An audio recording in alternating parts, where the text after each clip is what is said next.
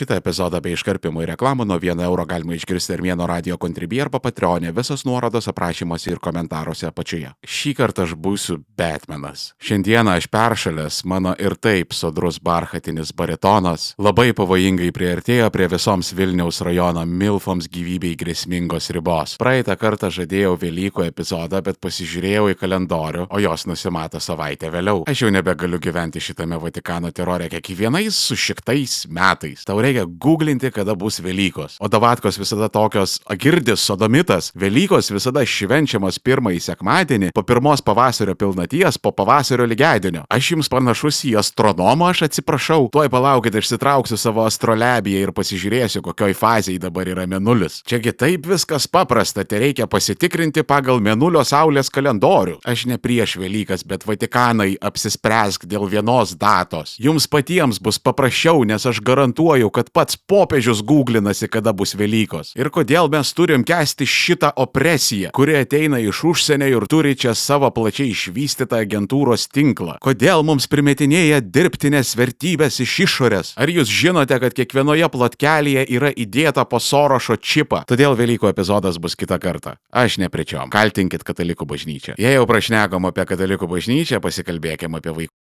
Aš čia turbūt kas ketvirtą žodį turėsiu užmūtinti. Aš to negaliu kelti į atvirą internetą, nes mane paprasčiausiai nuo vaizdo visi algoritmai. Ten labai bijo kontroversijos ir ten užtenka vien paminėti žodį to, kad tu nučiuoštum žemyn visais įmanomais reitingais. Todėl be cenzūros dėsiu tik į Patreoną ir Contribui. Prenumeruok Armėnas Plus tik už 1 eurą į mėnesį Armėno radio Contribui arba Patreonė ir klausyk epizodų be reklamų ir iškarpimų visus nuorodas aprašymuose ir komentaruose apačioje. Šį sezoną kažkaip pas mus uždėrėjo jo skandalų. Pirmą Sauliui Poškai, Kristijonui Bartoševičiui pareikšti įtarimai dėl keturių nepilnamečių asmenų tvirkimo, o tada užskrido Remigijus Ačas, buvęs Seimo narys, artimas Rolando Pakso bendražygis, o dabar toks pakankamai big dealas Raseinių mieste, prisipažino teisėjas saugai, kad pas jį nelegaliai dirbančiam 17-mečiui pasiūlė buoti jo 17 cm ilgio Dabar kaip tikras paksinis jisai bando išsivartyti, kad jį apšmeižė ir jis buvo priverstas visą tai pripažinti. Nežinau, galbūt čia man su galva negerai, bet mane gali laikyti visą naktį kameroje su linusiais ožiais, bet aš niekada gyvenime neprisipažinčiau tokių dalykų, ypač jeigu aš jų nesu padaręs. Bet čia turbūt mano asmeninės psichoemocinės problemos ir aš nebejoju, kad Remigijus Ačas tai padarė tik tai iš absoliučios būtinybės ir kitos išeities neturėjo išties. Kadangi Mislita buvo Seimo narys kartu su konservatoriais, iškart runkelnete užsisuko šūdų malūnas. Jok čia suprantat, Landsberginiai bando apšmeišti nieko dėtą Remigijų Ačą kad nukreiptų dėmesį nuo jų Kristijono Bartoševičiaus. Už Ingridai ar Armonautai savo ruoštų išstoja, kad, e, Hebra, girdit, mes čia ne vieninteliai su vaikų monopoliu. Karočią dabar stovi visi kaip Spider-Manai ir baksnoja į vienas kitą. Bet tos rungtynės pas ką daugiau Jos yra žiauriai kenksmingos dėl to, kad nukreipia dėmesį nuo pagrindinės problemos. Visi šitie skandalai yra tik tai simptomai lygos pavadinimu. Lietuvoje nėra normalios nepilnamečių apsaugos nuo seksualinio smurto sistemos. Veistis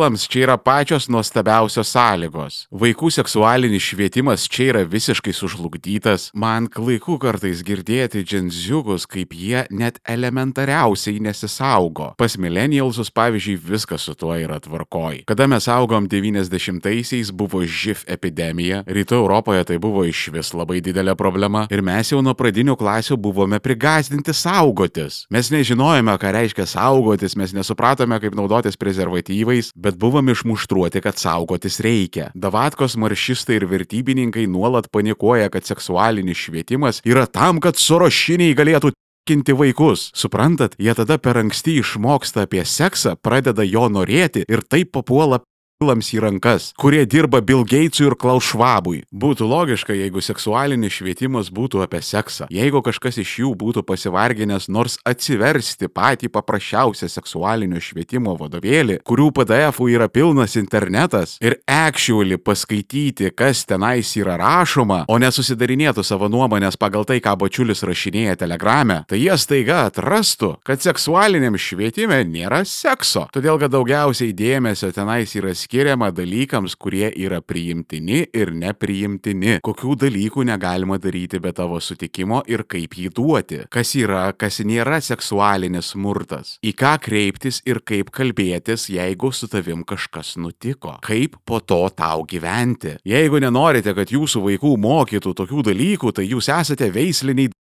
Jūs patys juos atiduodate grobuonėms į rankas. Antras baisus dalykas mūsų visuomenėje yra tylėjimo kultūra. Jeigu kažkas blogo nutiko su jūsų vaikais, jokiais būdais negalima apie tai kalbėti. Nes čiagi baisi gėda visai šeimai. Man vienas psichoterapeutas yra pasakojęs, kad žinok, pas mane ateina įvairūs žmonės, įvairaus amžiaus, įvairaus socialinio statuso ir tik mažuma nepilnatystėje nėra patyrę jokio seksualinio smurto. Žmonės su ta gėda iki pat grabo nueina. Todėl, kad pas mus apie tai yra nepriimta rimta šnekėti. Ir galiausiai viską vainikuoja vaikų teisų tarnybos, kurių mes nefinansuojam. Todėl, kad nemoka mokesčių, nes Lietuvoje yra paplitęs įsivaizdavimas, kad mokesčiai yra pinigų švaistimas. O po to niekaip nesuveda dviejų galų. Kada mažos algos viešajame sektoriuje ir už jas ateina dirbti tik tai kavo gurkšnojančios jėdvigėlės, katros moka tik tai įspėjimus rašyti tėvams, pas kuriuos buvo iškviesta policija už garsią muziką. Ir sudėję šitas tris detalės į vieną bendrą paveikslą, mes gauname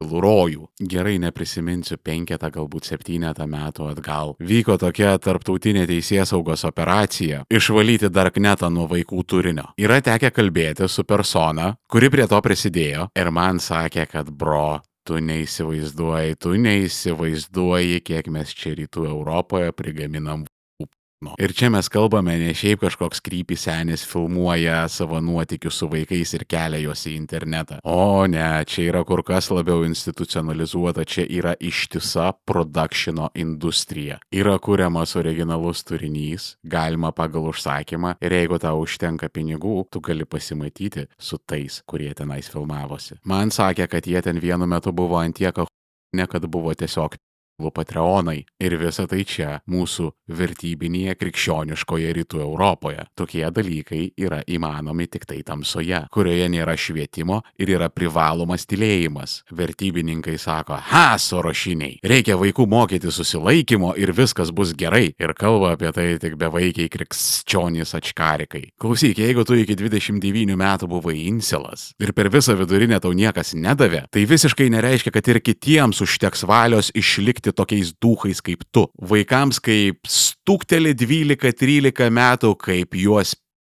visi hormonai, taip jie ir lieka nepakaltinami iki kokių 28 metų. Jie tris minutės pasėdėti ramiai negali. Jeigu bandai pasiekti, kas vyksta, juo įpadė tave ištinka epilepsijos priepolis nuo taip greitai besikeičiančių vaizdų. Koks hui susilaikimas pas mažamečius nekoordinuotus dėl bus. Čia tas pats, kas sakyti, kad nereikia jokių įstatymų, nes užtenka žmonės mokyti nevokti, nemeluoti, neprievartauti ir nežudyti. Jūs genijai, ta prasme, niekas iki tol nepagalvojo susilaikymo.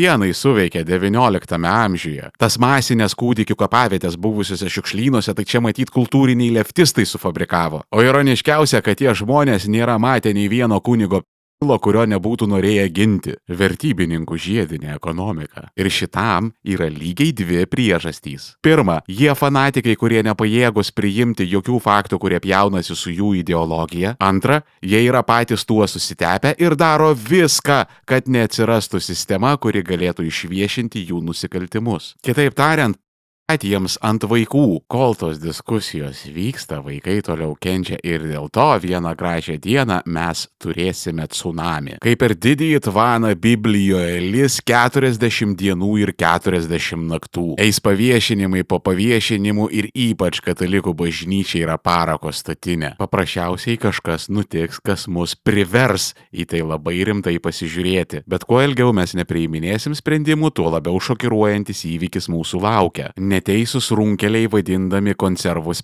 partija. Bet konservatoriai ant savęs nešioja nuodėmę, tai yra Mykolas Majauskas, kurie uždengė gyvų kūnų, kada jisai buvo kaltinamas seksualiniu priekabiavimu. Tada išlenda Bartoševičius ir šiaip priglaus kitausi prie sienos ir jūs išgirsite kalbų apie ne vieną žmogų iš tos partijos, kuris turi problemų su priekabiavimu. Ir konservatoriai čia yra vieni iš. Kiekvienoje partijoje yra blogų obolių. TSLKD turėjo unikalią progą būti pradininkais, įsivesti realiai veikiančią ir enforcinamą elgesio politiką ir daugiau niekada gyvenime nebetoleruoti tokių dalykų. Ir tai ne šiaip sau pijaras, nes paprasčiausiai apsimoka. Kada tu turėsi pas save tokį daiktą, viskas, zero sekso skandalų. Visus purtis, o tu sėdėsi čik trak saugiai namelyje. Kada pabaigi gertų žvairo, staiga nustoji bijot policininkų. Įsivaizduokite žmogų, kurio visas organizmas yra pažeistas vėžio. Ketvirta stadija, visi organai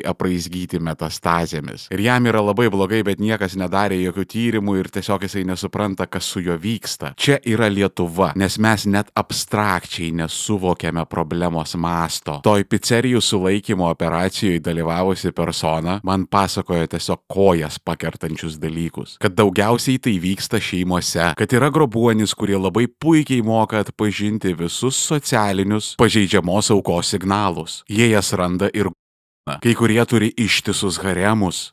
Ir aš nežinau, čia kelintas dublis. Aš nežinau, ar aš jums noriu šitą pasakoti. Čia kaip Jungle King. Geriau būtum nežinojęs. Kada aš tik girdėjau apie Jungle King ir nežinojau, kas tai yra, aš klausinėdavau jaunimo, paaiškinkit man, please. O jie visada seniai tu geriau nežinotum. Va tada aš supratau, kad čia yra kažkas rimto. Nes kada jaunimo klausė apie degrado kontentą, jie visada tokie būna, tu nežinojai, atkiša iškart į tave telefoną ir pradeda rodyti, nori tu to ar nenori. Ir kada aš sužinojau, kas yra Jungle King, aš tik tada supratau, kokią nuodėmę apsijėmiau ant savo sielos. Aš šitą padėsiu į Armėnos Pro ir įspėsiu tenai žmonės, į kur skipinti, kad galėtų tai praklausyti, nes jeigu išgirs to net girdės niekada gyvenime. Armėnas Pro - pilnos trukmės epizodai be reklamų. Užsisakyk planą Armėno radio kontribį arba Patreonė tik 4,99 į mėnesį. Visos nuorodos aprašymuose ir komentaruose apačioje. Fū, Po šito aš embriono pozoje savaitę gulėsiu duše. Tai yra seniai užgangrinavusi problema, kurios mes nenorim spręsti. Mums patinka maltis kultūros karuose, skaldytis iš teksto sienų komentaruose. Bet spręsti mes kažko nenorime, nes kada tu nori spręsti, tu visų pirma problemą įsivardini, visų antra, tu prašai specifinių jo sprendimų. O žiauriausia tai, kad viskas yra pasiekiama per ištiestą ranką. Lietuva yra klaikiai maža valstybė. Kad ir ką besakytumėt, mums žiauriai patai pataikauja mūsų valdžia. Mes visada gauname, ko norime. Šią žiemą dar viena praėjo COVID pandemijos banga. Ar skelbė kažkas karantiną, ar buvo galimybių pasai, ar reikėjo skiepytis. Aš ėjau savo ketvirto skiepo ir buvo visiškai tuščia. Seselė į mane žiūrėjo kaip į kažkokį keistuolį. Maršistai išsireikalavo savo ir šiemet niekas neskelbė karantino ir medikams tykiai ramiai nukanalizavo visą smūgį. Užtenka pakankamai dideliai masiai išeiti į socialinius tinklus iš išreikšti savo nuomonę. O dar jeigu jie teiktųsi paprotestuoti, kas reiškia susirinkti į kokią nors aikštę ir pastovėti valandą dvi, tai jie pamatytų, kaip greitai susimėtytų politikai, kaip mikliai pradėtų ieškoti sprendimų, kaip staigiai visi muštųsi už garbę pristatyti reformą, kuri kažkada buvo nepopuliari ir toksiška. Lietuvoje mes gyvenam, ne kažkokiam hu